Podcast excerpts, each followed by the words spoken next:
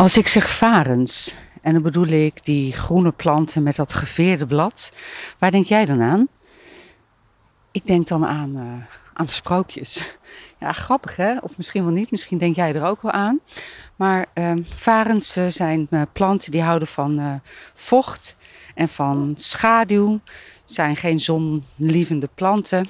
Dus ze groeien vaak in van die bossen, dicht begroeide bossen op de bodem. En um, dat is altijd een beetje zo'n duisterachtig gevoel. En ik moet dan altijd aan sprookjes denken. Ja, niet hele lieflijke sprookjes inderdaad. Maar een beetje zo dat spannende verhaal um, van die echte oude sprookjes van vroeger.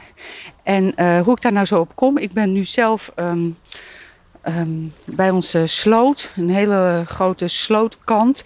Die is jaren overwoekerd geweest door de brandnetels. Die heb ik nu een paar keer een kopje kleiner gemaakt. Maar die wortelstokken van die brandnetels zitten door de hele grond heen. Dus het blijft opkomen. Tenzij je ze dus heel erg uh, vermoeit door continu een groen uh, eraf te maaien.